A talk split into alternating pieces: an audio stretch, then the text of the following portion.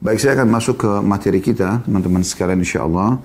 E, eh, sebagaimana sudah saya bahasakan tadi di awal pembukaan, kajian bedah kita Riyadus yang tulis oleh Imam Nawawi rahimahullah dan kita masih dalam bab yang sama pada yang Rabu lalu dan beberapa Rabu yang sebelumnya, keutamaan zuhud di dunia.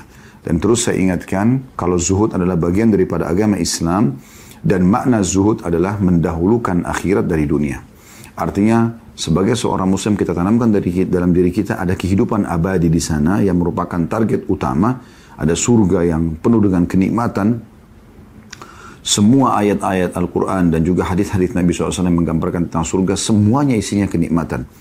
Baik eh, kebun-kebunnya, istanahnya, dipan-dipannya, permadaninya, pelayan-pelayannya, segala macam hal.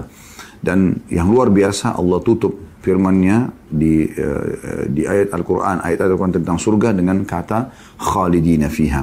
Mereka akan kekal selamanya di dalamnya. Maka ini teman-teman sekalian yang eh, merupakan target utama setiap muslim. Sementara dunia eh, kita jadikan ajang untuk mendapatkan yang terbaik di sana nanti di akhirat. Ya. Karena kita diciptakan di sini, di muka bumi ini sebagaimana Allah sebutkan dalam surah Az-Zariyat, surah nomor 51 ayat 56. A'udhu billahi minasyaitan rajim wa ma khalaqtul jinna wa insa illa liya'budun. Aku tidak menciptakan jin dan manusia di muka bumi ini kecuali untuk beribadah kepada aku. Jadi memang tujuan kita ada di sini adalah untuk ibadah kepada Allah Azza wa Jalla. Ya sholat, ya puasa, ya zakat, ya e, berbakti sama orang tua, berbuat baik pada tetangga, dan semua amal-amal soleh yang baik yang kita dianjurkan untuk kita lakukan. Itu tujuannya. Serta juga kita menjauhi semua apa yang Allah subhanahu wa ta'ala larang. Ya. Kalau anda sudah memaksimalkan dunia, menikmati yang halal, mengerjakan perintah, meninggalkan yang dilarang, maka anda sudah mendapatkan kebahagiaan dunia karena orang beriman boleh makan daging, boleh makan apa saja kecuali yang diharamkan, uh, boleh minum kecuali yang diharamkan, boleh berpakaian kecuali yang diharamkan dan hal-hal yang haram ini ya boleh bergaul, boleh mencari pendapatan, boleh mengejar prestasi tapi yang penting yang halal jauh yang haram dan haram ini sesuatu yang sangat sedikit sebagai ujian saja bagi orang-orang apakah ya mereka patuh kepada Allah atau tidak ya dan itu anda dapat kebahagiaan dunia dan di akhirat juga anda akan dapatkan kehidupan yang luar biasa ya sampai Nabi SAW menggambarkan perumpamaan dunia kalian ini dibandingkan akhirat ya itu seperti telunjuk kalian yang kalian celupkan ke dalam ya, lautan kemudian diangkat lihatlah ya berapa banyak air yang tertinggal di jari seseorang ya dia sedikit sekali dan secepat kering, maka lautan yang luas itu adalah kehidupan akhirat. Ya. Makanya para syuhada, para orang-orang yang mati syahid di zaman Nabi SAW, Nabi SAW menggambarkan ya, bahwasanya teman-teman kalian ini sekarang pada saat syuhada Uhud dikumpulkan, beliau mengatakan mereka berbicara sama Allah dan Allah tawarkan kepada mereka, mau apa lagi wahai hamba-hambaku minta. Setelah mereka lihat semuanya apa yang Allah berikan karena mati syahid, maka mereka mengatakan, Ya Allah kami tidak minta apa-apa kecuali engkau kembalikan kami ke dunia, engkau hidupkan lagi kami, lalu kami dibunuh lagi. Ya. Jadi mereka merindukan prosesi pembunuhannya itu. Jadi ditusuk, ditembak, itu saja. Yang hitungan beberapa detik, itu sudah cukup membuat seluruh apa yang Allah janjikan untuk para syuhada. Ya, istana yang mewah, dayang-dayang, pelayan-pelayan, segala macam. Dan kekal selamanya, itu mereka dapatkan. Jadi Seorang mukmin harus tanamkan itu. Target kita adalah akhirat. Itu kurang lebih makna zuhud. Dan sudah sering kami luruskan, zuhud bukan berarti meninggalkan dunia untuk akhirat. Ingat, tapi mendahulukan akhirat dari dunia. Karena ada sebagian orang akhirnya bajunya kotor, penampilannya kumuh, ya.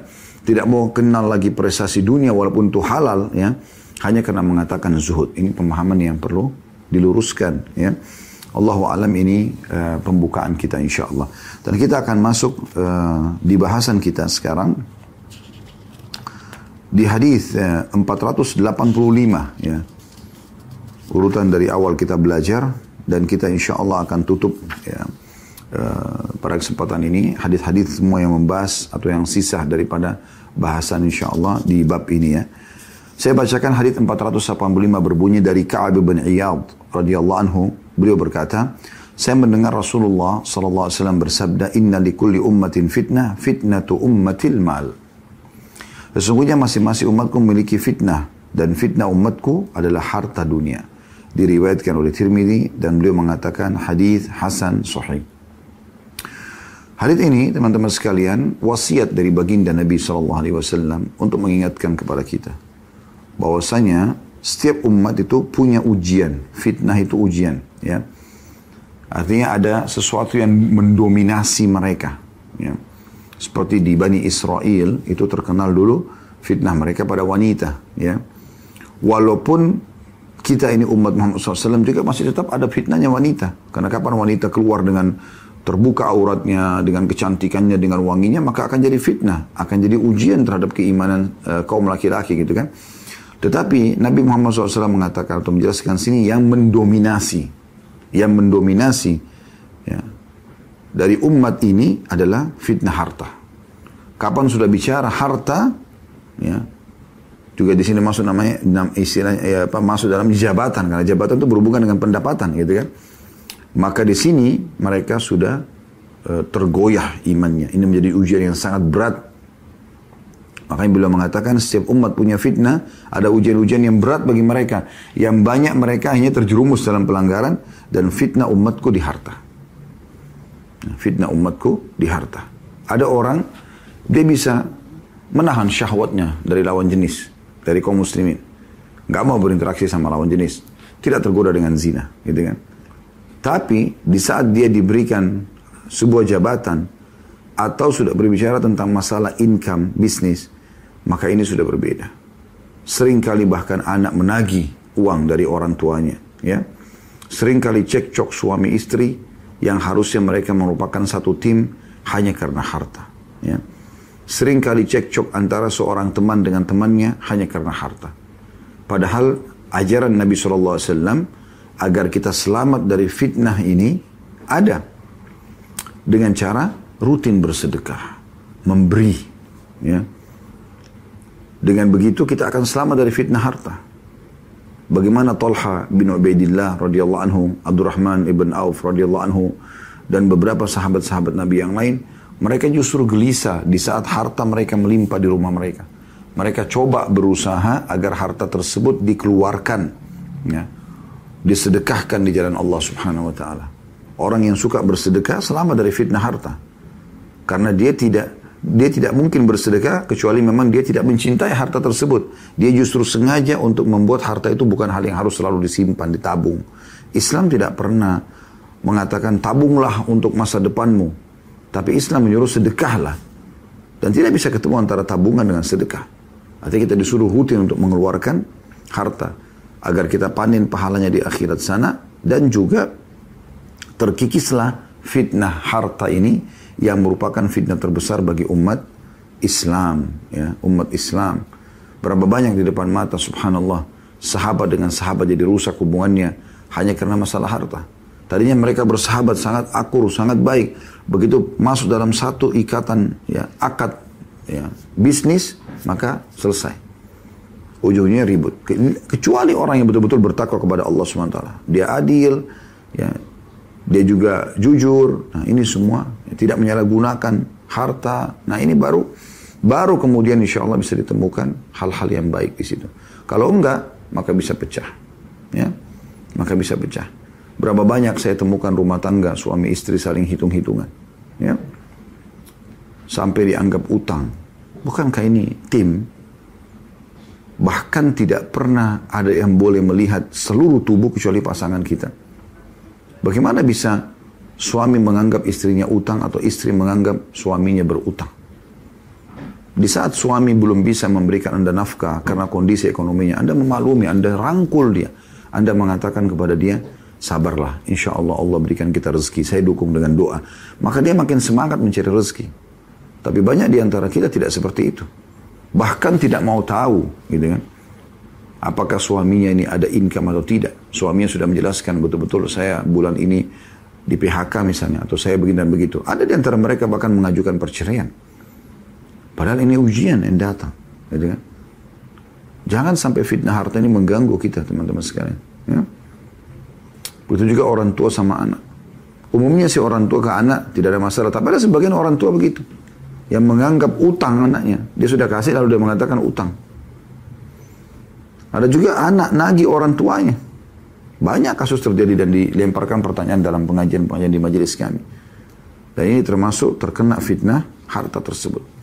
Kapan Anda tidak peduli dengan harta itu dalam arti kata, kapan harus disedekahkan setiap saat Anda siap. ya Hilang pun dari Anda karena banjir, longsor, bencana alam intinya. Dicuri, Anda biasa aja.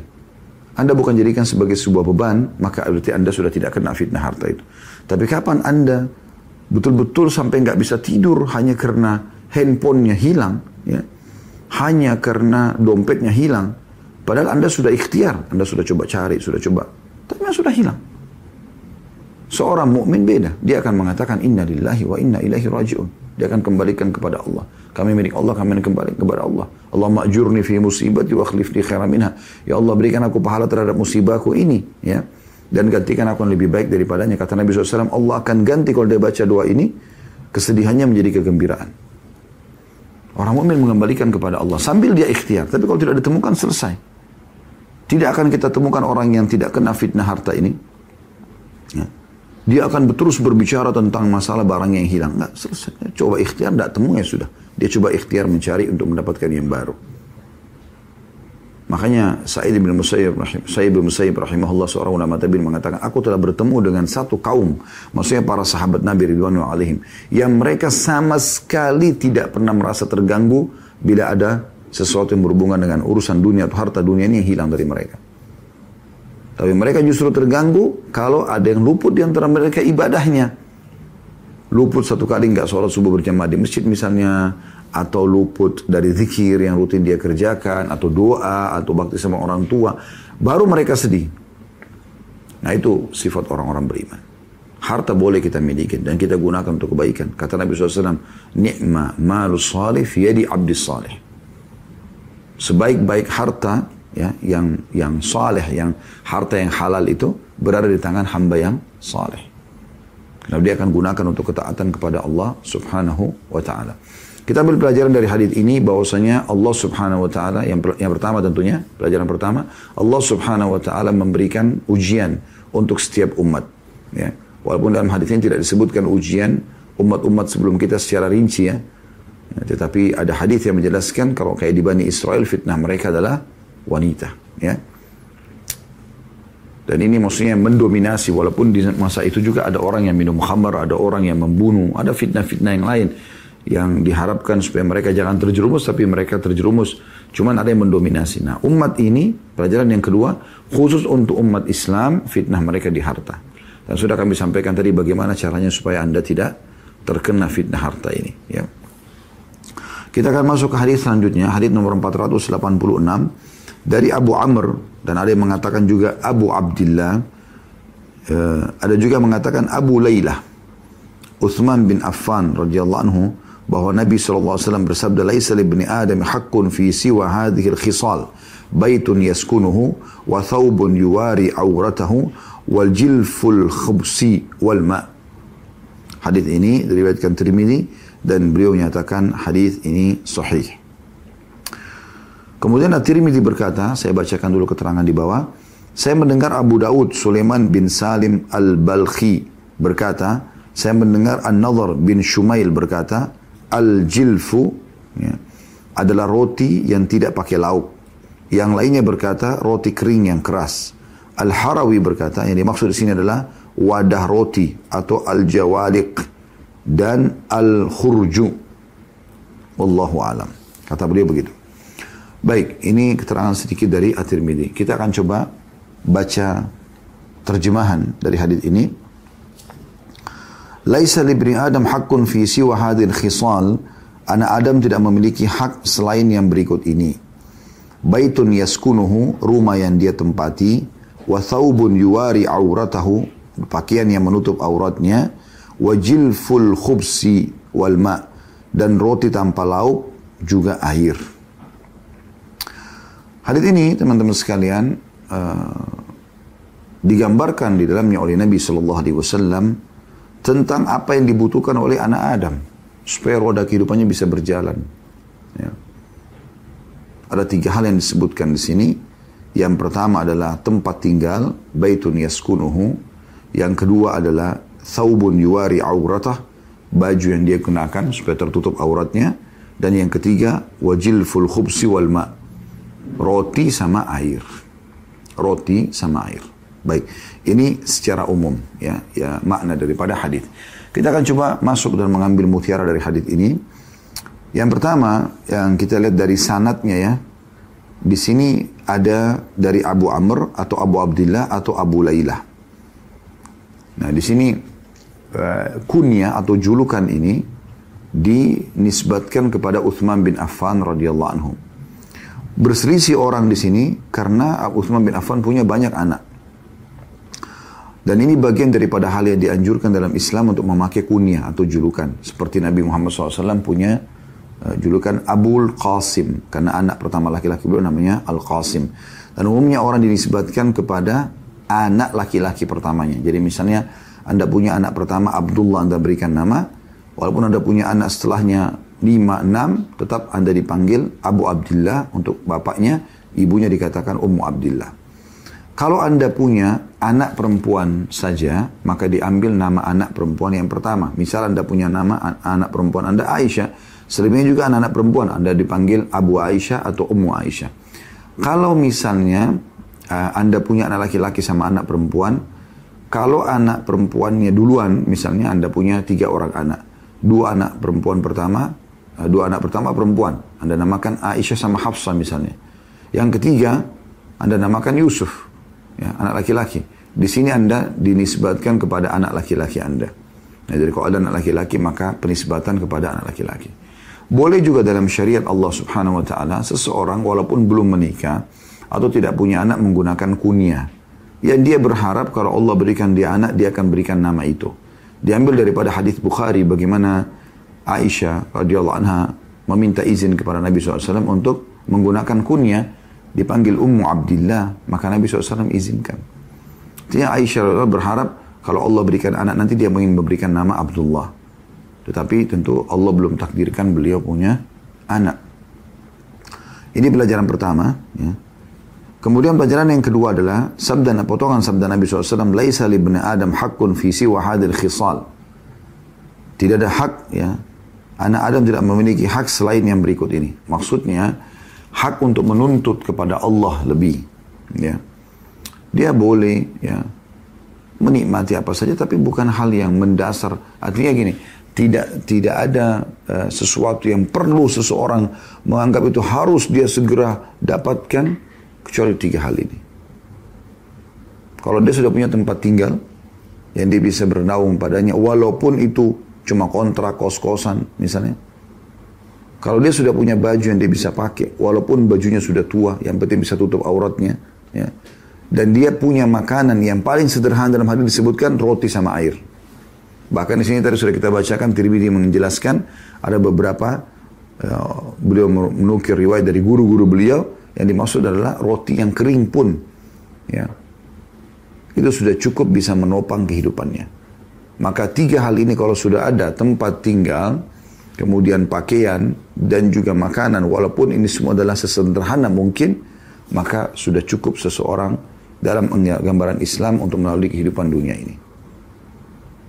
Dan ini makna daripada atau pelajaran yang keluar dari hadis tentang hak seorang manusia atau bagaimana dia memohon kepada Allah Subhanahu wa taala. Ini makna sejalan juga dengan hadis yang lain ya. Siapa yang tiba di pagi hari, dia mendapatkan sehat jasadnya, dia mendapatkan rumah yang dia bisa bernaung, ya, dia mendapatkan makanan hari itu, maka seakan-akan dunia sudah berkumpul padanya. Dia sudah mendapatkan semua urusan dunia ini. Ya, karena orang membutuhkan ini. Ya. Yang kesulitan memang kalau satu dari tiga ini tidak ada.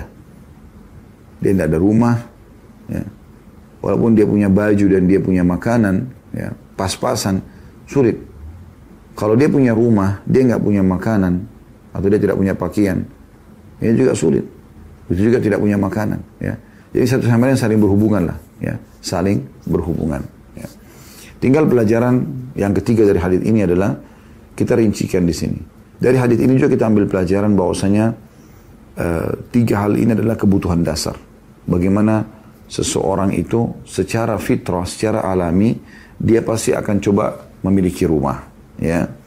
Dia akan coba memiliki pakaian. Dia akan coba memiliki makanan yang bisa menopang hidupnya. Selain daripada ini, ini cuma tambahan-tambahan semuanya. Tinggal kita rincikan. Rumah, ya, yang pertama disebutkan baitun, ya, yaskunuhu, rumah yang dia tinggali. Apakah boleh seseorang memiliki rumah yang luas? Karena Allah lapangkan rezekinya, jawabannya boleh.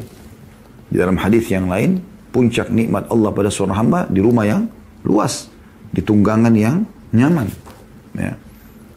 Tidak ada masalah. Ya. Yang penting sumber halal dan usahakan berhubungan dengan masalah rumah ini tidak ada sesuatu yang melanggar agama. Contoh misal ada hadis Nabi SAW yang melarang tidak boleh dalam rumah ada anjing, ada patung ya. Dalam ini maksud gambar-gambar yang digantung ya. Uh, saya pernah re eh, referensikan kalau anda bisa beli ada buku kalau tidak salah judulnya, saya juga tidak ingat penulisnya, tapi buku itu pernah saya baca uh, cukup bagus dengan dalil-dalilnya. Saya juga tidak tahu penulisnya siapa ya, saya tidak kenal. Tapi judulnya kalau tidak salah rumah-rumah yang tidak dimasuk oleh malaikat. Nah itu cukup bagus, cukup banyak. Di, kalau salah 30 sekian uh, uh, rumah yang tidak dimasuk oleh malaikat. Berarti ada syaitannya, diantaranya ada anjing, ada patung, ada gambar-gambar. ya Dengan berikut dalil-dalilnya gitu. Kemudian juga uh, kamar mandi, mohon maaf, WC. Ya, kata Nabi SAW, jangan kalian menghadap dan membelakangi kiblat pada saat kalian sedang buang hajat ya. Jadi kalau kiblat ke arah sana misalnya, ya, ke depan, maka Anda harus buat WC-nya menyilang. Sehingga Anda tidak menghadap dan tidak membelakangi kiblat. Ya. Kemudian juga dianjurkan di rumah dijauhi semua kemaksiatan kepada Allah Subhanahu wa taala apapun sifatnya ya. Usahakan rumah itu penuh dengan ketaatan-ketaatan Allah SWT. Nah ini penting. Sehingga rumah itu berkah. Ya. Ada zikrullah di dalamnya. Ada majelis ilmu, ada zikir, ada doa, ada baca Quran. Kata Nabi SAW dalam sebuah hadis yang sahih. Rumah yang di dalamnya diingat Allah. Ya, dengan rumah yang tidak diingat Allah di dalamnya. Seperti orang hidup dan orang yang sudah wafat. Ya. Kemudian yang kedua di sini adalah baju yang dia gunakan. Allah SWT mengatakan dalam Al-Quran, A'udzubillahi minasyaitan wa dibasu taqwa dhalika khair. Dan pakaian bertakwa itu jauh lebih baik, maksudnya menutup aurat. Makanya di sini Nabi SAW mengatakan, wa thawbun yuwari auratah. Ada penting kalimat auratah. Yuwari auratah. Artinya dia menggunakan baju yang menutup auratnya. Percuma biar dia kaya raya, dia punya banyak harta, tapi dia pakai baju terbuka auratnya. Melanggar Allah subhanahu wa ta'ala. Yang memerintahkan anda, wahai muslim dan muslimah, menutup aurat anda adalah Allah, sang pencipta. Dan Allah akan memberikan balasan dengan ketaatan anda itu justru Allah hukum kalau anda melanggar. Ya. Bagian yang belum menggunakan hijab, coba berhijab. Ya. Baca keutamaan perintah-perintah Allah Subhanahu ta'ala dan keutamaannya. Wanita ahli surga saja, dari para bidadari ahli surga nanti akan menggunakan kain kerudung di kepalanya. Bagaimana dengan Anda? Biarkan ada simbol Islam pada diri Anda. Karena kalau seorang wanita kafirah, kita datangkan dengan ya, didatangkan lalu kita minta dia menggunakan hijab lima menit saja. Kemudian lewat wanita kafirah yang lain, bukan orang muslimah, lalu kita tanya, tentu karena dengan dia syarat tidak kenal orang yang pertama ini ya. Lalu kita tanya, itu agama apa? maka pasti dia akan mengatakan orang ini muslimah karena menggunakan jilbab. Dan Allah SWT mengatakan dalam Al-Quran, ذَلِكَ أَذْنَا أَلَّا yu'zain. Dan tujuan utama juga agar mereka tidak diganggu-ganggu oleh orang. Selain bentuk ketaatan kepada Allah Subhanahu Wa Taala. Jadi anda coba tutup aurat anda. Gunakan baju-baju baju-baju yang khas Muslim, ya. Yang yang memang memperkenalkan kita ini adalah Islam. Kita harus bangga dengan pakaian kita. Islam melarang kita memamer aurat sana sini membuka aurat. Apakah membuka langsung secara fisik yang disuruh tutup dalam Islam? Atau ini bukan, ini saya kasih contoh telapak tangan saya. Maksudnya ini contoh kulit kita yang dilarang buka misalnya ya. Kayak wanita eh, selain daripada wajah dan telapak tangan misalnya. Eh, atau memang membentuknya dengan pakaian-pakaian ketat. Nah ini dilarang dalam Islam. Jadi di sini menutup aurat Ya, maknanya adalah bagaimana dia memiliki baju yang cukup untuk mutawaf walaupun itu bukan baju baru gitu. Tapi pertanyaannya Ustaz, boleh nggak orang kalau punya harta memiliki baju baru? Boleh, nggak ada masalah. Anda memiliki beberapa baju pun tidak ada masalah. Nabi SAW disebutkan punya baju dengan berbagai macam warna dan jenis kain gitu kan. Kemudian yang terakhir dalam hadis ini adalah wajil full khubsi wal ma juga roti dan air. Ini bukan berarti kita disuruh makan roti dan minum air saja tidak. Nabi SAW mendatangkan ini, ini hal yang paling sederhana. Di Jazirah Arab dulu, atau sampai hari ini memang ya, orang nggak bisa makan kalau nggak pakai roti. Kayak kita Indonesia kalau nggak makan nasi, ada beberapa teman-teman kita yang mengatakan, kayaknya saya belum makan deh. Biar makan roti sebanyak apapun, kayaknya masih belum kenyang kalau nggak ada e, nasi itu sudah ada di benak kita persepsi kita. Nah di Timur Tengah seperti itu mereka berpikir kalau tidak makan roti berarti belum makan. Makanya mereka sarapan ada roti, makan siang ada roti, makan malam ada roti. Di sebagian juga wilayah di Eropa, di Amerika. Ya selain di Asia Tenggara biasanya memang mereka terbiasa dengan roti. Maka Nabi SAW memberikan gambaran di sini roti karena memang makanan orang di sekitar pada saat itu. Ya, kalau kita misalnya di Indonesia nasi mungkin kita bisa mengatakan ya nasi walaupun cuma beberapa sendok suap ya dan air putih memang air putih ini sumber kehidupan Walaupun kita tidak punya teh, tidak punya kopi, tidak punya sirup, nggak ada masalah. Yang penting air putihnya ada. Gitu kan? Maka sudah cukup untuk membuat roda kehidupan kita bisa berjalan. Nah, ini yang dimaksud dengan hadis ini Allahu alam. Hadis selanjutnya yang kita akan bahas pada siang ini yaitu hadis nomor 487 ya. Yang berbunyi dari Abdullah bin Asy-Syikhir radhiyallahu anhu beliau berkata, "Ataitun Nabiya sallallahu alaihi wasallam wa huwa yaqra al hakumut takatsur." Qala يقول ابن آدم مالي مالي وهل له وهل لك يا ابن آدم من مالك إلا ما أكلت فأفنيت أو لبست فأبليت أو تصدقت فأمليت Hadis ini sahih diriwayatkan oleh Imam Muslim. Terjemahannya adalah kata Abdullah radhiyallahu anhu, aku pernah mendatangi Rasulullah atau pernah mendatangi Nabi SAW ketika beliau sedang membaca ayat Al-Quran Al-Hakumut Takathur. Ya. Yang artinya Eh, kalian terus ya mengumpul-ngumpulkan harta. Beliau mengatakan, wahai anak Adam, atau anak Adam berkata, kata Nabi SAW, hartaku, hartaku, engkau wahai anak Adam, kata Nabi SAW, tidak memiliki dari hartamu, melainkan apa yang kau makan hingga engkau menghabiskannya, atau apa yang kau pakai hingga engkau menjadikannya usang, atau apa yang kamu sedekahkan sehingga kamu simpan untuk hari akhir nanti. Hadis ini, teman-teman sekalian, secara umum dulu maknanya ya, menggambarkan bagaimana Abdullah bin Ash-Shikhir radhiyallahu anhum beliau menggambarkan pertemuannya dengan Nabi sallallahu alaihi wasallam dan uh, beliau menggambarkan waktu itu Nabi SAW sedang menyampaikan pengajian ya, atau ilmu menjelaskan tentang makna al-hakumut takathur alhaaku muttakathur. Untuk lebih jelasnya insya Allah, coba kita buka surah ini ya. Surah nomor 102. Artinya bermegah-megahan, at-takathur. Ya. Saya bacakan, A'udhu billahi rajim. Ya, ada delapan ayat ya. Alhaakumut muttakathur. Bermegah-megahan telah melalaikan kamu. Hatta zurtumul maqabir sampai kamu masuk ke dalam kubur atau wafat. Ya. Jadi makna ayat pertama ini sayang sekali kalian sibuk terus bermegah begahan tapi kalian lupa tentang kehidupan akhirat. Di sini bukan larangan orang untuk bisa megah dalam arti kata rumahnya megah, mobilnya bagus, pakainya rapi, dianya tampan. Bukan ini yang dimaksud. Tapi yang dimaksud adalah orang yang lalai, berbegah-begahan yang membuat dia lalai. Dia tidak mau tahu sumbernya halal atau tidak ya tetap dia melakukan kemaksiatan gitu maksudnya sampai kalian masuk ke dalam kubur artinya sampai kalian wafat baru kalian sadar gitu kalla saufa ta'lamun jangan begitu kelak kamu akan mengetahui akibat perbuatanmu itu Thumma kalla saufa ta'lamun dan jangan begitu karena kelak kau akan menyesal nanti mengetahui perbuatanmu. Kalla lau alamun ilmal yakin. Jangan begitu jika kamu mengetahui dengan pengetahuan yang penuh keyakinan, la jahim. Kalian pasti akan melihat, benar-benar melihat neraka jahanam. Thumma la tarawunnaha yakin. Kemudian engkau pasti atau kamu akan benar-benar melihatnya dengan ainul yakin, dengan mata yang jelas. Thumma la tus'alunna yawma anin na'im.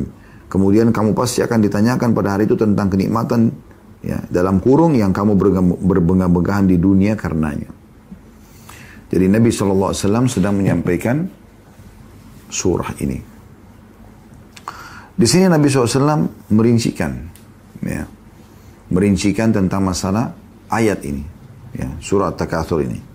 Beliau mengatakan, wahai anak Adam, atau anak Adam sering mengatakan hartaku, hartaku. Maksudnya dia berbangga-bangga.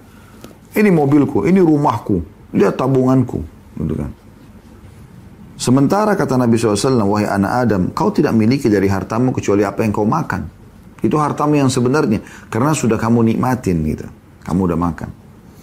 Atau sesuatu yang kau pakai, lalu sudah usang. Atau yang kamu sedekahkan, yang kamu akan panen nanti di akhirat. Itu yang bisa menjadi harta kamu sebenarnya. Yang lain tidak akan menjadi harta. Seperti kendaraan, tidak akan jadi harta. Karena rumah tidak akan jadi harta. Kapan kita meninggal akan jadi ahli waris. Hak, hak ahli waris. Tapi tiga hal ini, makanan yang kita makan. Udah pasti, nggak mungkin kita makan, kemudian kita keluarkan makanin orang lain, nggak mungkin. Pasti buat kita. gitu ya. Itu berarti sudah pasti hartamu itu. Kata Nabi SAW. Sama dengan minuman. Kalau kita sebut makanan berarti minuman masuk dalamnya. Kalau kita sebutkan minuman, makanan masuk dalamnya.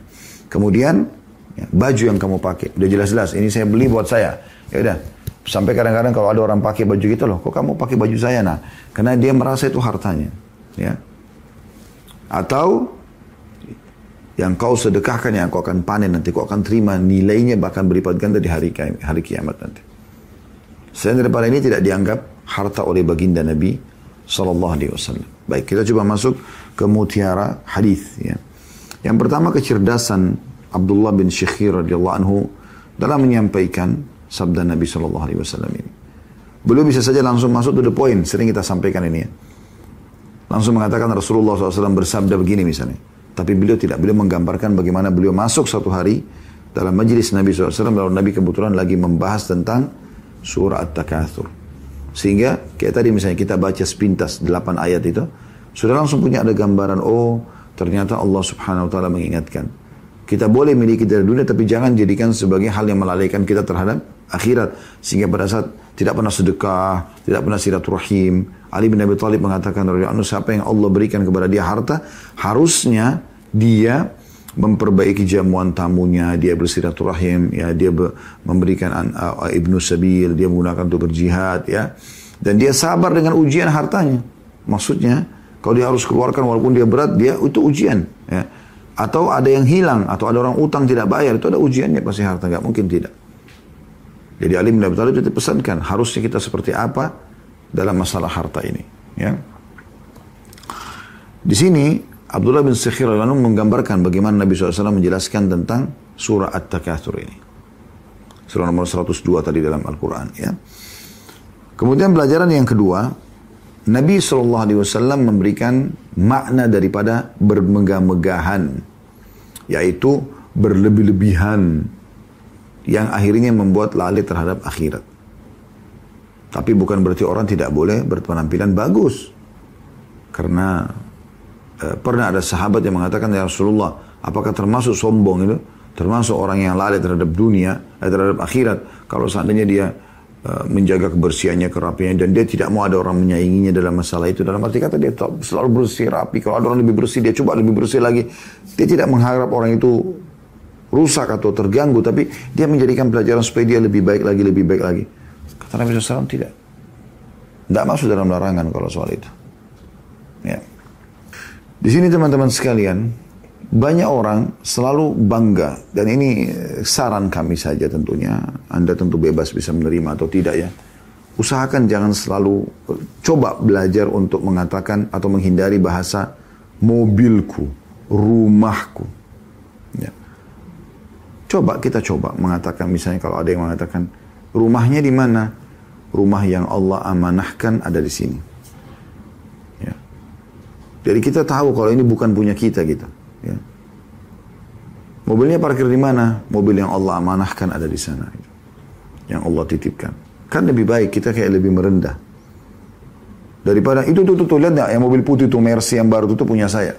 Itu tuh Alphard yang hitam tuh, yang baru tuh, tuh punya saya. Itu Ferrari, itu ini, itu ini, ini. Itu.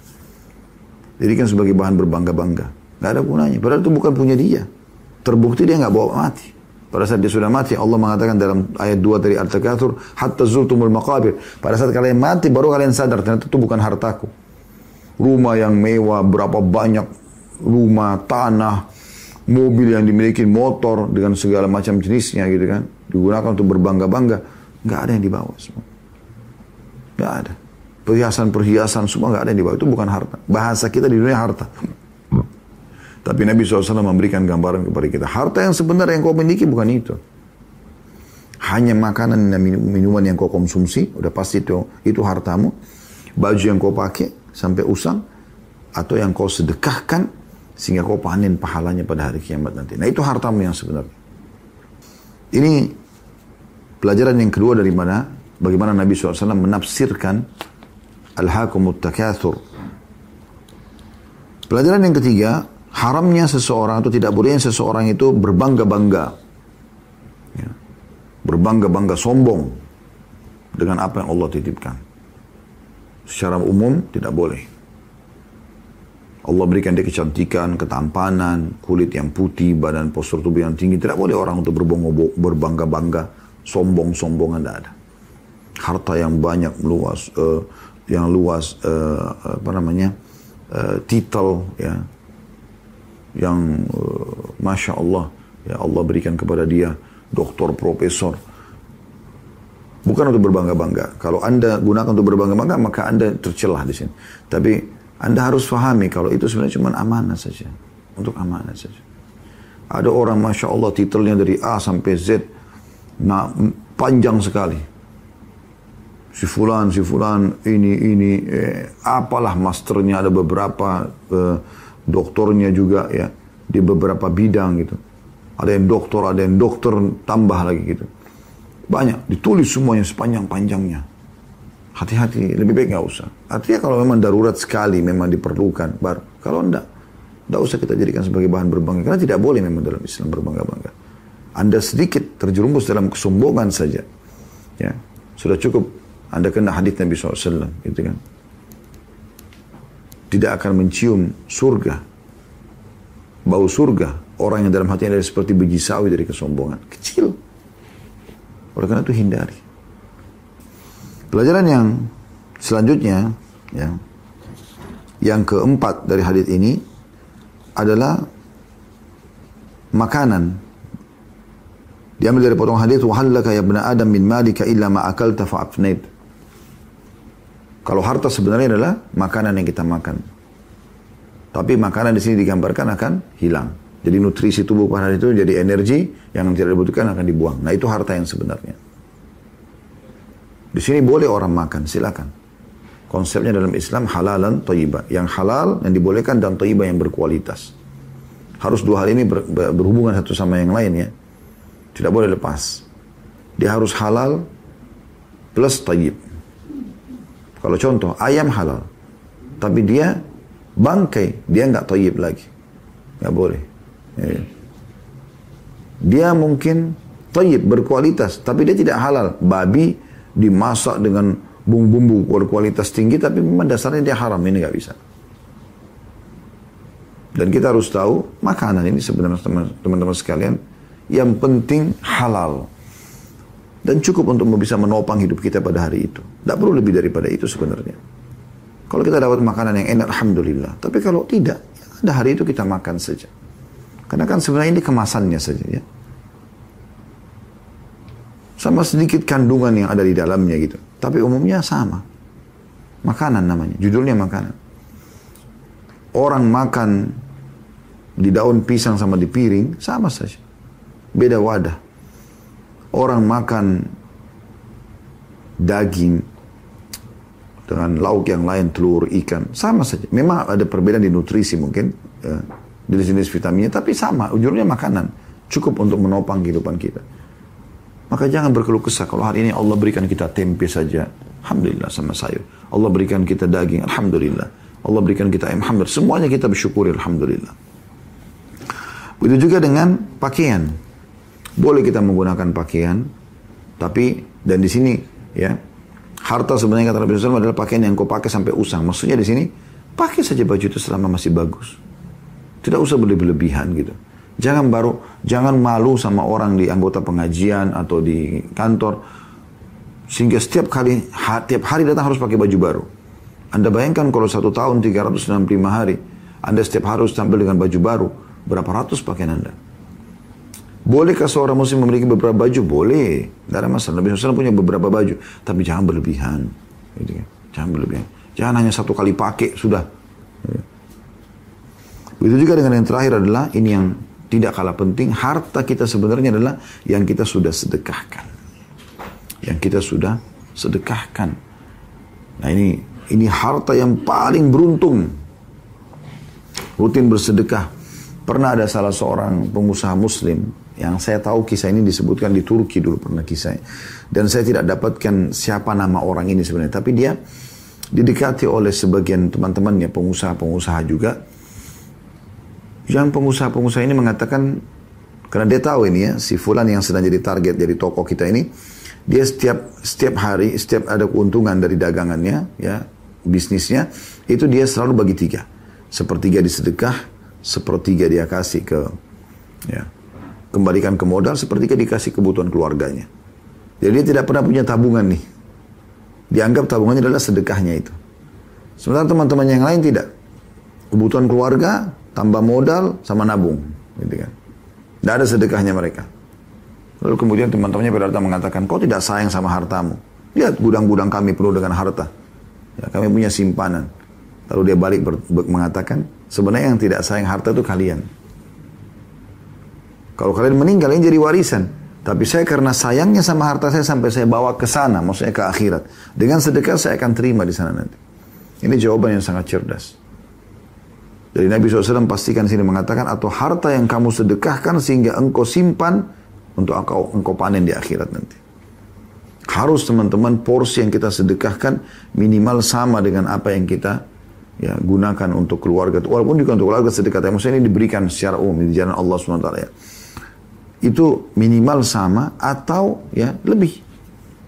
Maksimalkan itu. Hadis selanjutnya nomor 488 dari Abdullah bin Mughaffar radhiyallahu anhu beliau berkata, "Qala rajulun lin Nabi SAW ya Rasulullah wallahi inni la uhibbuk." فقال qala wallahi inni la uhibbuk إني لا faqala in in kunta in kunta tuhibbuni fa'idda lil faqri jif uh, جف uh, جفافا saya ulangi, fa'idda lil fakri jiffafa. Fa innal faqra asra'u ila man yuhibbuni minas sayli ila muntaha. Hadis ini hadis Hasan diriwayatkan oleh Tirmidzi berbunyi seorang laki-laki telah berkata kepada Nabi sallallahu alaihi wasallam wahai Rasulullah demi Allah sungguhnya aku sangat mencintai Anda maka Nabi SAW bersabda perhatikan apa yang kamu ucapkan dia mengatakan demi Allah saya sangat mencintai Anda dia ulangi sampai tiga kali maka beliau SAW bersabda, jika engkau benar-benar mencintaiku, maka persiapkanlah jubah kefakiran. Karena kefakiran itu lebih cepat mengenai orang yang mencintaiku daripada laju air bah menuju muaranya. Ya. Hadis ini teman-teman sekalian memberikan pelajaran kepada kita secara umum dulu. Ya saya berikan makna umumnya hadis. Nabi SAW ini berbicara dengan orang yang ada di hadapan beliau sesuai dengan keadaan dia. Ada orang yang datang Nabi SAW nasihati untuk tidak berzina. Ada orang yang datang, Nabi SAW nasihati untuk tidak minum khamr. Ada orang yang datang, Nabi SAW nasihati untuk tidak riak. Ada orang yang datang, Nabi SAW suruh bakti sama orang tuanya. ya. Jadi, per pada saat itu, apa yang sedang ada di depan mata. Orang ini yang datang kepada Nabi SAW, Nabi SAW melihat orang ini yang paling tepat. ya Supaya dia bisa terpenuhi apa yang dia inginkan karena dia mencintai Nabi SAW maksudnya dia berharap supaya bersama dengan Nabi di dunia dan di akhirat maka Nabi bilang kepada dia karena orang ini kaya maka Nabi SAW mengatakan kalau gitu persiapkan jubah kemiskinan tentu ini bahasa kiasan ya tanda kutip tidak ada jubah namanya jubah kemiskinan bukan berarti sini pakai jubah yang biasa bukan artinya kamu coba walaupun kaya tapi kehidupanmu itu bukan berlebihan bukan berlebih-lebihan. Kamu tetap walaupun kaya ya, tetap berusaha hidup sederhana, bersedekah ya, memberi kepada orang lain juga ya. Eh, orang yang berusaha seperti ini, kondisinya kaya seperti kamu misalnya, kemudian dia tetap berusaha tidak berlebihan, dia punya persiapan kapan dia miskin dia bisa ya melaluinya dia ada juga kefakiran. Dalam arti kata, dia seperti orang yang tidak menunggangi kekayaannya untuk sombong. Dia merasa dirinya, walaupun ada kekayaan, tetap dia kalau memberi sesuatu pada orang, dia melihat ke wajahnya, dia berikan dengan baik, dengan sopan. ya. Saya kasih contoh gini misalnya. Orang yang tidak punya jubah kefakiran, walaupun dia kaya. Pada saat dia lewat naik mobil mewah di pinggir jalan, ada orang miskin dekat mobil dia, minta-minta. Melirik aja enggak? Padahal dia harusnya merasa oh Allah telah lebihkan saya dari orang ini. Terbukti saya dikasih oleh Allah harta ini. Dia tidak. Harusnya bukan membuat dia sombong. Dia melihat ke orang itu, dia merasa prihatin, dia berbagi. Dan cara berbagi juga yang baik, yang menunjukkan kita ini memang juga punya jubah kefakiran, ya. Kita juga sama kok, kebetulan cuma Allah amanahkan kepada saya. Buka jendelanya akhi dan ukti. Buka jendela, kasih kepada mereka.